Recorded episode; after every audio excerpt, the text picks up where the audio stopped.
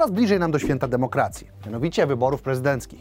Cały kraj bardzo żyje, wywołuje to gorącą debatę publiczną, ale czy cały kraj wie, jak zostać owym prezydentem? Wybory prezydenckie to jedne z najpopularniejszych wyborów w naszym kraju. Dlaczego? Dlatego, że mm, mają one największą frekwencję oraz wywołują największe zainteresowanie wśród mediów. Spowodowane jest to kilkoma czynnikami, które postaram się w tym materiale rozbić i wykazać, dlaczego wybory prezydenckie są tak dla nas ważne. Przede wszystkim dlatego, że głosujemy na człowieka głosujemy na osobę, za którą stoją konkretne postulaty, zdanie, opinie, jak i pewne przemyślenia i system wartości, które ta osoba reprezentuje.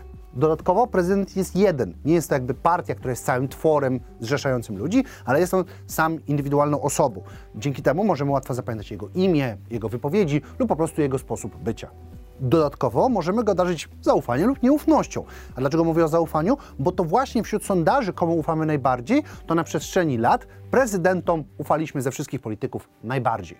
Dodajmy do tego, że prezydent bardzo często pojawia się w mediach z tego, że jest takim głównym reprezentantem naszego państwa, pierwszym obywatelem, można by nawet powiedzieć. Dzięki czemu te wybory powodują aż, mają aż tak wysoką popularność, bo najczęściej w granicy 50-55% średnio.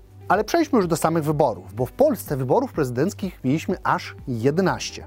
Przy tym te wcześniejsze wybory, mowa tu o wyborach w dwudziestoleciu międzywojennym, jak i w PRL-u, odbywały się w nieco inny sposób niż ten, który znamy dzisiaj, czyli przez wybór przez Zgromadzenie Narodowe, czyli dwie izby parlamentu decydowały swoimi głosami, kto zostaje prezydentem. Dopiero w 1990 roku mieliśmy pierwsze wolne i powszechne wybory prezydenckie. Startowało w nich 16 kandydatów, a do drugiej tury e, przeszedł nie kto inny oczywiście, jak Lech Wałęsa oraz Stanisław Tymiński. Kto wygrał? No, mam nadzieję, że mówić tego nie muszę, e, ale od tej pory wybory prezydenckie stały w centrum uwagi już u wszystkich. Debaty, które były prowadzone między kandydatami, były jednymi z najczęściej oglądanych audycji telewizyjnych związanych z polityką. Przy, przyciągały one niesamowity zbiór osobowości, jednostek i person, e, które elektryzowały i polaryzowały społeczeństwo. Lecz dzisiaj nie o emocjach, nie o kandydatach, nie o kontrowersjach z nimi związanymi. Przejdźmy do tego, co trzeba zrobić, żeby owym prezydentem zostać, albo jakie warunki należy spełnić. Po pierwsze, należy ukończyć 35 rok życia i nie być karanym, a konkretniej posiadać pełnię praw wyborczych.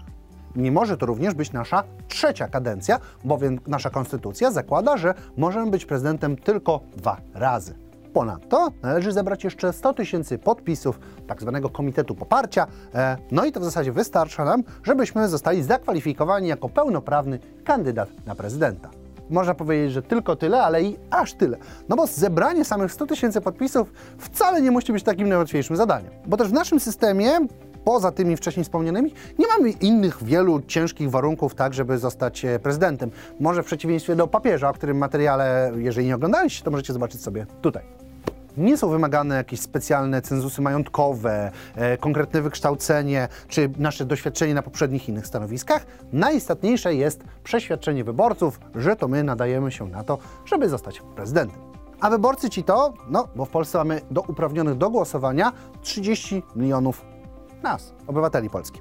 I teraz, e, licząc, że połowa nie bierze udziału w wyborach, zostaje nam 15 milionów, no i żeby oczywiście wygrać e, i osiągnąć stanowisko e, prezydenta, musimy przekonać większość, czyli 50 plus 1%, co daje nam i tak 7,5 miliona osób, które musimy do siebie przekonać. Zatem jak tego dokonać? No tutaj jak zwykle w e, naszych filmach to nie jest jakby jednoznaczna i prosta odpowiedź, a nawet gdyby taka odpowiedź istniała i bym taką znał, to raczej nie robiłbym filmów na YouTubie, tylko albo prezydentem bym był, albo bym pracował w jakimś sztabie. Ale mogę, ale mogę przybliżyć Wam na pewno kilka elementów, które składają się na ogólne zwycięstwo kandydata i osiągnięcia fotelu prezydenta. Po pierwsze, ważne jest poparcie jakiejś już istniejącej grupy, partii politycznej, może ruchu społecznego. E, bardzo często kandydatem jest osoba, która jest liderem takiego e, ugrupowania, może jakimś ważnym politykiem wewnątrz, albo po prostu osobą, która wygrała wewnętrzne wybory, na przykład wewnątrzpartyjne. Poparcie konkretnej partii politycznej jest dla nas bardzo ważne. Dlaczego? E, przez grupę ludzi, którą politolodzy nazywają żelaznym elektoratem, czyli grupę ludzi, która zgadza się i popiera wszystkie decyzje jednej konkretnej partii. Dodatkowo mamy jeszcze kampanię wyborczą, która w zależności od kraju i sposobu jest bardziej lub mniej skomplikowana, ale składa się ona z wielu różnych setek mniejszych i większych rzeczy, które składają się na, na ogólny wynik w samych wyborach. Możemy na przykład naszą kampanię wyborczą przeprowadzić w internecie przy użyciu darmowych narzędzi, ale możemy, na przykład biorąc przykład z ostatnich wyborów w USA, na naszą kampanię w internecie wydać 1,4 miliarda dolarów, więc sumę już co najmniej imponującą.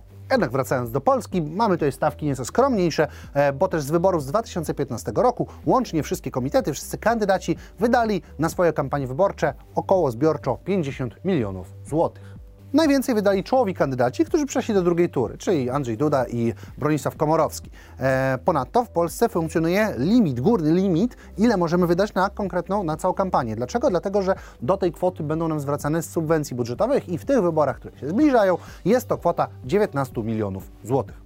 Co kosztuje nas najwięcej? No, oczywiście reklamy. I tu mówimy o wszelakich reklamach. Możemy powiedzieć o reklamach w radiu, w telewizji, billboardach, spotach telewi- reklamowych, wielu, wielu innych. E, No i one kosztują nas najwięcej, bo średnio szacunkowo około 12 milionów złotych. To koszt tych wszystkich ulotek, roll-upów, y, wyświetlania. Teraz należy zadać sobie pytanie, dlaczego kosztuje to aż tyle i dlaczego tego potrzebujemy? Dlatego, że ludzie pamiętają to, co widzą, a im więcej razy zostanie im coś pokazane, tym większa szansa, że zostaniemy zapamiętani. Niestety smutną praktyką jest fakt, że no, idąc do urn, no nie wszyscy ludzie zapoznają się z programem wyborczym i głosują zgodnie z tym, a bardzo często głosujemy na e, podstawie naszej jakby takiej oceny i kogo pamiętamy. Reszta pieniędzy to rzeczy potrzebne do budowania naszego wizerunku, czyli wszelkiego rodzaju wyjazdy, konwencje czy spotkania z naszymi wyborcami. Rozpoznawalność to jedno, ale osoba, która jest kandydatem na prezydenta, musi kojarzyć się samym z urzędem. Dlatego spotkania to nie tylko rozstawienie sceny, świateł, kamer y, i zrobienie show. To przygotowania kandydata. Badania, jaki kolor krawatu będzie dobrze kojarzył się z jego cechami. Przygotowanie go pod względem tego, jak wypowiada się, czy to u logopedy. Przygotowanie się pod kątem psychologicznym, tak, żeby e, mówił sprawniej i miał pewną siebie postawę. Przygotowanie wielu różnych małych rzeczy, które być może któraś z nich sprawi, że zostaniemy zapamiętani właśnie pozytywnie.